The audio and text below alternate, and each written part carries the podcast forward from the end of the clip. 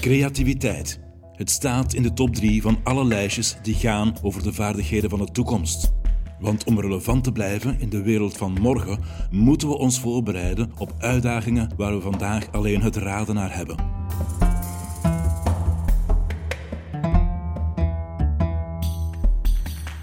Mijn naam is Walter van der Velde en ik weet wel iets over creativiteit. Met deze podcast wil ik je alle hoeken van de kamer laten zien. Kamer C, met de witte muren die zo hard uitnodigen om beklad en beschreven te worden. Kom erin en laat de deur maar wagenwijd open.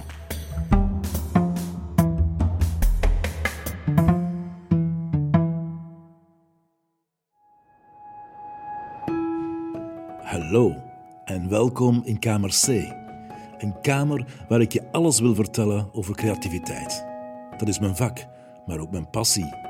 Ik stimuleer mensen en organisaties om zoveel en zo goed mogelijk gebruik te maken van hun creativiteit. Ik doseer creativiteitstechnieken en business creativity aan hogeschoolstudenten en ik geloof echt dat we met creativiteit de wereld beter kunnen maken. Wie jij bent, weet ik niet. Misschien iemand die op zijn werk creativiteit wil inzetten. Of gewoon wat meer creativiteit in zijn privéleven wil brengen. Hoe dan ook, je bent nieuwsgierig. En dat is alvast één voorwaarde om meer uit je creativiteit te halen. Hoe deze podcast er exact zal uitzien en zal evolueren, dat weet ik vandaag nog niet. Ik wil kennis delen, verhalen vertellen en ook interessante mensen aan het woord laten. Maar ik wil graag deze episode starten met een paar misverstanden uit de wereld te helpen. Want die zijn er wanneer we over creativiteit praten. Ik belicht er vier, maar allicht zijn er nog veel meer. Dus welkom in episode 1. Creativiteit en misverstanden. Misverstand 1. Creativiteit is kunst. Toen ik een jaar of tien geleden vanuit marketingcommunicatie de wereld van creativiteit en innovatie ben ingedoken, dan leek me dat eigenlijk een logische stap. Tevoren had ik altijd mijn creativiteit ingezet ten dienste van de klant om voor hem ideeën, concepten, campagnes te gaan bedenken. Nu wou ik de klant zelf creatief maken. En om die bezigheid uh, kenbaar te maken en wat uh, rugbaarheid te geven, ging ik regelmatig naar netwerkevents. En op zo'n netwerkevent is het natuurlijk de bedoeling dat je met andere mensen gaat praten. En meestal ken je daar niemand, dus je stapt op iemand af. En de eerste vraag die je stelt is: wat doe jij? In welke sector ben je actief? En wanneer mij die vraag werd gesteld, dan ging ik stevast en ook een beetje fier antwoorden: ik zit in de creativiteit. Waarop mijn gesprekspartner een beetje vreemd keek en heel vaak zei van ah, dan ben jij een artiest. Of soms nog verder ging en zei van wacht, laat mij eens raden, jij hebt de kop van een beeldhouwer. Of uh, jij ziet eruit als een uh, muzikant. Of ik ben zeker dat jij een schrijver bent. En eigenlijk is dat niet zo verwonderlijk. Dit is het eerste misverstand. Wanneer er over creativiteit wordt gepraat, gaan mensen heel vaak die connotatie maken met kunst of andere artistieke uitingen van creativiteit. Ik denk dat de oorsprong van dat misverstand terug te vinden is in onze opvoeding. Wanneer we naar school gaan, dan krijgen we natuurlijk vakken zoals wiskunde, geschiedenis, aardrijkskunde, talen. En we krijgen, ook, ja, we krijgen ook wel creativiteit, maar dat gaat dan meestal over tekenen en schilderen, over muziek, over poëzie, dat soort van artistieke creativiteit. Dus het is heel logisch dat we van kindsbeen af creativiteit gaan linken aan kunst en artistieke uitingen. Wanneer we dan uh, na school een diploma op zak hebben, dan gaan we op zoek naar werk. Liefst serieus werk in een serieuze sector. En wat creativiteit betreft, ja, misschien gaan we dat nog wel beoefenen, maar liefst na ons werk, dus eerder als hobby. En dat is trouwens ook de reden waarom mensen in een creatief beroep, en ik denk aan copywriters, um, ontwerpers, beroepsmuzikanten, theatermakers, eh, acteurs, eh, dansers enzovoort, waarom die mensen het zo moeilijk hebben om soms betaald te worden voor hun prestatie. Men gaat er vaak vanuit dat die mensen dat doen louter voor hun plezier, om zich te amuseren. Dus ja, goh, waarom zou ik daarvoor moeten gaan betalen? Onterecht uiteraard, maar daar wil ik het graag een andere keer over hebben. Eigenlijk gaat creativiteit in een zakelijke of een dagdagelijkse context vaak over het oplossen van problemen. Problemen die te maken hebben met een bepaalde context, met de omstandigheden, met de mensen waarmee je omgaat. En om oplossingen te vinden voor dat soort situaties moet je creatief zijn. Stel dat er onverwacht vrienden op bezoek komen. Hè? En je wil de mensen graag iets aanbieden om te eten, maar je was daar natuurlijk niet op voorbereid. Je hebt geen boodschappen kunnen doen. Dan ga je je moeten behelpen. Je gaat kijken in jouw koelkast, je gaat kijken in jouw kasten en je gaat aan de hand van de ingrediënten die je vindt trachten een smakelijk gerecht op tafel te toveren. Wel, dat is pure creativiteit. Een ander voorbeeld in een zakelijke context. Je zoekt een, een, een nieuw personeelslid en je hebt een vacature geplaatst. En een van jouw beste klanten stuurt jou een mail met de boodschap: Ik denk dat mijn zoon voor die uh, vacature in aanmerking komt. Mag hij bij jou solliciteren? En jij weet pertinent zeker dat die zoon helemaal niet geschikt is voor die functie. Maar anderzijds wil je die klant niet kwijtraken. Dus hoe ga je dat oplossen? Dat vraagt creativiteit. En natuurlijk hebben we ook creativiteit nodig om te gaan innoveren, om nieuwe producten, nieuwe diensten te gaan ontwikkelen, nieuwe businessmodellen, nieuwe vormen van samenwerking, nieuwe procedures te gaan bedenken. Dus eerste misverstand: creativiteit is kunst en artistieke expressie, niet waar. En uiteraard heeft kunst en alle artistieke uitingen zijn plaats binnen het domein van creativiteit, maar het is veel, veel meer dan dat. Misverstand 2. Creativiteit is een goddelijke ingeving. We kennen allemaal het verhaal van Archimedes die, nadat hij in zijn badkuip de oplossing had gevonden voor een wetenschappelijk probleem, naakt door de straten van Syracuse liep, luidroepend: Eureka, ik heb het gevonden. Net zoals het verhaal van Isaac Newton die onder een boom zit en er plots een appel op zijn hoofd valt en hij daardoor de wet van de zwaartekracht bedenkt. Het zijn allemaal verhalen die ons doen geloven dat uh, ideeën en creativiteit komen op een moment dat we niet verwachten. Als een soort van goddelijke ingeving en we er bijgevolg ook helemaal geen controle over hebben. Nu, eigenlijk is die stelling niet helemaal onjuist. En ik denk dat we allemaal al zo'n momenten hebben meegemaakt. Misschien onder de douche, of wanneer je in je bed ligt, of tijdens een lange autorit of een fietstocht, of misschien wanneer je op het toilet zit. Het zijn vaak momenten wanneer je met jezelf alleen bent en wat rust in je hoofd vindt. Maar dat die ideeën zomaar uit de lucht komen vallen en dat je er helemaal geen controle over hebt, dat is niet waar. Kluis, ja. Niet te groot en niet te duur. En uh, onkraakbaar, hè, Bettes? Oké. Geloof jij Don? Hij van ijzersterk motief. Arie stond op het punt de duw van zijn leven op te blazen. Ja, maar wat voor Leen geldt, geldt ook voor Arie. Don zou de hele oude penose tegen ze krijgen. Zouden we Johnny over? En de onvindbare bouwman. Hoe zou Bouwman Arie die injectie moeten hebben toegediend? Johnny zat bij Arie in de auto tot aan het ongeluk. Zeg de kok, bel ik net voor een nieuwe kluis, weet je wie ik aan de lijn krijg? Bert is gekse. Dikke Bert is de kluizen krijgen? Ja, maar nou niet meer hoor. Nee, is een heel nieuw leven begonnen. Is 30 kilo afgevallen, noemt ze tegenwoordig de Vries, naar zijn moeder. Woont in Heer Hugo Waard en is vertegenwoordiger in Kluizen. Nou ja, zijn al die jaren studeren op Kluizen niet voor niks geweest. Ja. Weet je, je bent een kei. Kom, we gaan. Eind jaren 90, begin deze eeuw, liep er een politieserie die Baantje heette, met inspecteur De Kok met COCK in de hoofdrol. Eigenlijk verliep elke aflevering van die serie volgens een vast stramien. Eh, inspecteur De Kok doet onderzoek naar een misdrijf.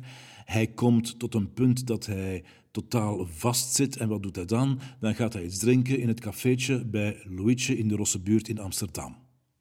Hij praat daar wat over koetjes en kalfjes, tot dat bepaalde cruciaal moment dat cafébaas Louietje of een van de stamgasten iets zegt of doet dat totaal niks met het eh, misdaadonderzoek te maken heeft, maar op dat moment vallen alle puzzelstukken in elkaar en vindt hij de oplossing. Met andere woorden, hij beleeft daar zijn Eureka-moment.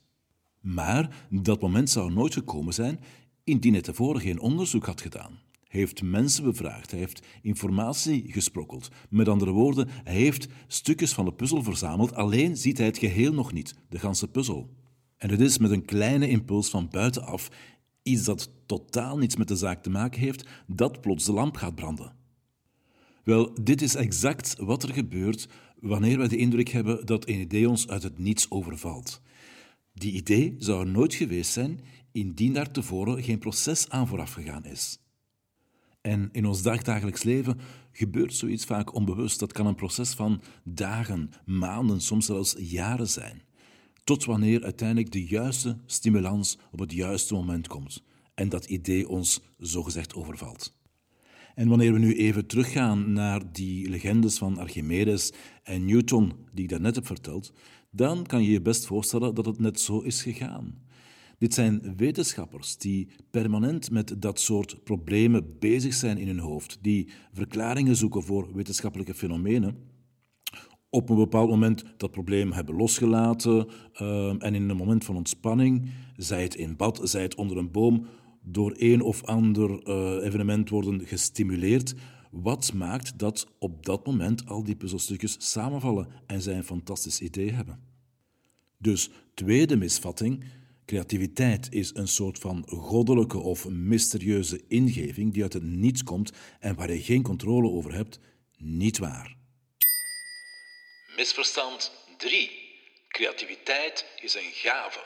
Je hebt het of je hebt het niet. Toen ik rond mijn 45ste tot de vaststelling kwam dat de laatste jaren mijn gewicht nogal was toegenomen, dan eh, besloot ik om daar iets aan te doen. Een groep vrienden had al een aantal maanden tevoren het initiatief genomen om samen te gaan fietsen. En ik wou dus heel graag aansluiten. Maar gezien ik dus een paar maanden later inviel en zij dus al wat geoefend hadden, waren die eerste ritten voor mij niet echt een pretje. Laat ons heel eerlijk zijn, het was een beetje beschamend. Mijn vrienden moesten constant op mij wachten. Uh, bij de minste bergop moest ik afhaken en ik uh, eindigde uh, meestal een aantal minuten later helemaal nat in het zweet en volledig buiten adem. Maar oefening baart kunst en na een paar weken lukte dat toch al beter en vond ik toch al wat sneller aansluiting. En na een paar maanden zelfs als ik echt in een hele goede dag was, lukte het mij om zelf de snelste te zijn. Nu, waarom vertel ik dit? Ik ben van nature geen sportieveling.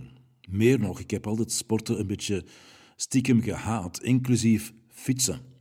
Maar rond mijn 45ste voelde ik die nood, die drang om toch iets te gaan doen.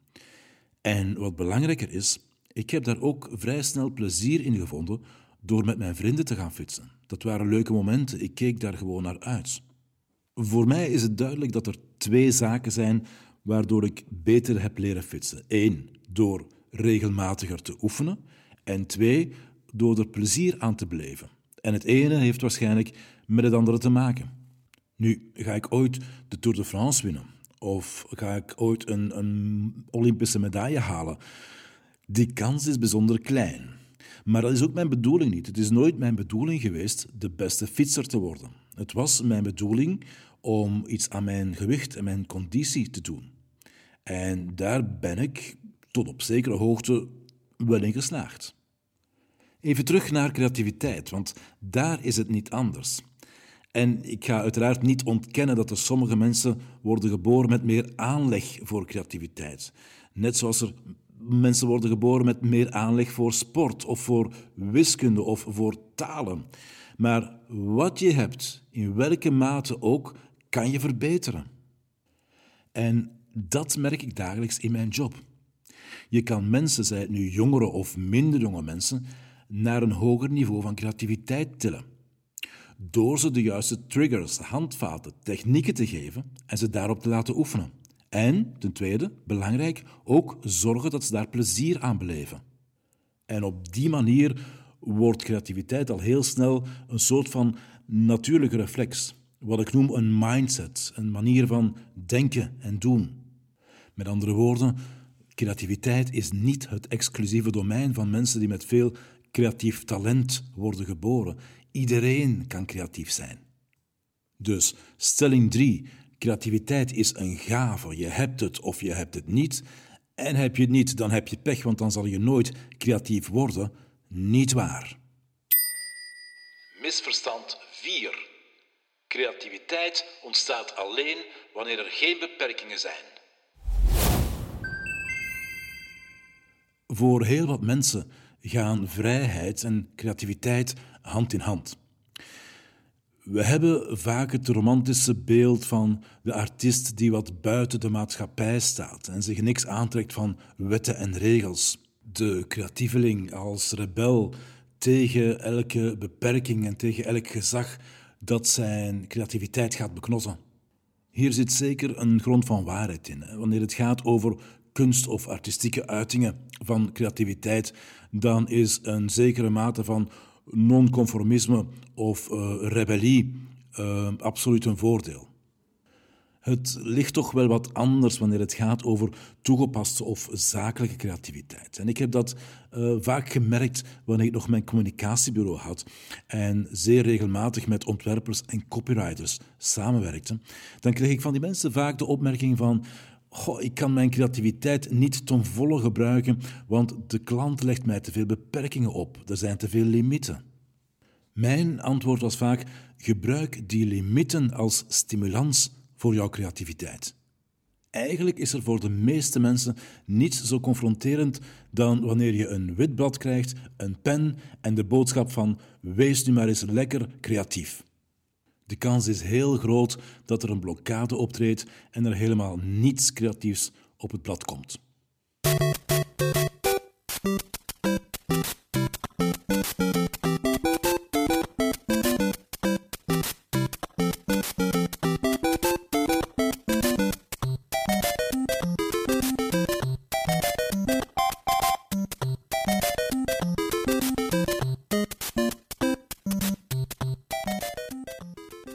Ik vermoed dat velen onder jullie deze tune wel kennen. Het is de tune van het, uh, de computergame Mario Brothers, dat door Nintendo in de jaren 80 werd gelanceerd. En de opdracht aan Koji Kondo, de componist van deze tune, was toch niet zo eenvoudig. Hij moest een tune componeren die enerzijds catchy was, anderzijds lang bleef hangen en toch niet ging vervelen. Dat allemaal in combinatie met een behoorlijk pak beperkingen, zo had je ja, de klanken die nu niet bepaald erg aantrekkelijk waren en het feit ook dat maximaal vijf van dit soort klanken tegelijkertijd konden worden weergegeven. Dus over limieten en beperkingen gesproken, dit is wel eentje die kan tellen. En zo vind je nog heel wat andere voorbeelden in de muziekwereld en de wereld van kunst en artistieke creativiteit in het algemeen. Beperkingen kunnen onze creativiteit echt een boost geven. En je ziet dat ook heel vaak in landen waar ze het economisch en sociaal een stuk minder goed hebben dan bij ons in het Westen. Zo ontwikkelde een man uit India een koelkast die uh, helemaal uit klei is gebouwd en groente, fruit, vlees voor dagenlang vers kan houden en helemaal geen elektriciteit nodig heeft. Want die is er in vele gebieden in India gewoon niet voorhanden. Of een voorbeeld uit Peru, waar mensen kampen met watertekort. Daar werd een reclamepaneel ontwikkeld dat de vochtigheid uit de lucht zuigt en omzet naar drinkwater. Beperkingen verplichten ons om andere oplossingen te zoeken, om te denken in alternatieven. En laat dat nu een van de basisvaardigheden van creativiteit zijn. Het is net door het opleggen van een aantal limieten en beperkingen dat je grenzen gaat stellen. Je gaat een soort van kader maken waarbinnen je mag gaan denken en creëren. En je hebt meteen ook een startpunt. En op zich is dat een stuk makkelijker en comfortabeler dan het spreekwoordelijke witte blad en de pen en de totale vrijheid om tot ideeën te komen. Dus clichés rond creativiteit, zoals the sky is the limit of thinking out of the box, mogen wat mij betreft gerust met een korreltje zout worden genomen. Een uitspraak die ik in die context graag gebruik is deze. If you can't find the solution within the box, you probably haven't checked all the corners. Dus stelling 4. Creativiteit ontstaat alleen wanneer er geen beperkingen zijn, niet waar.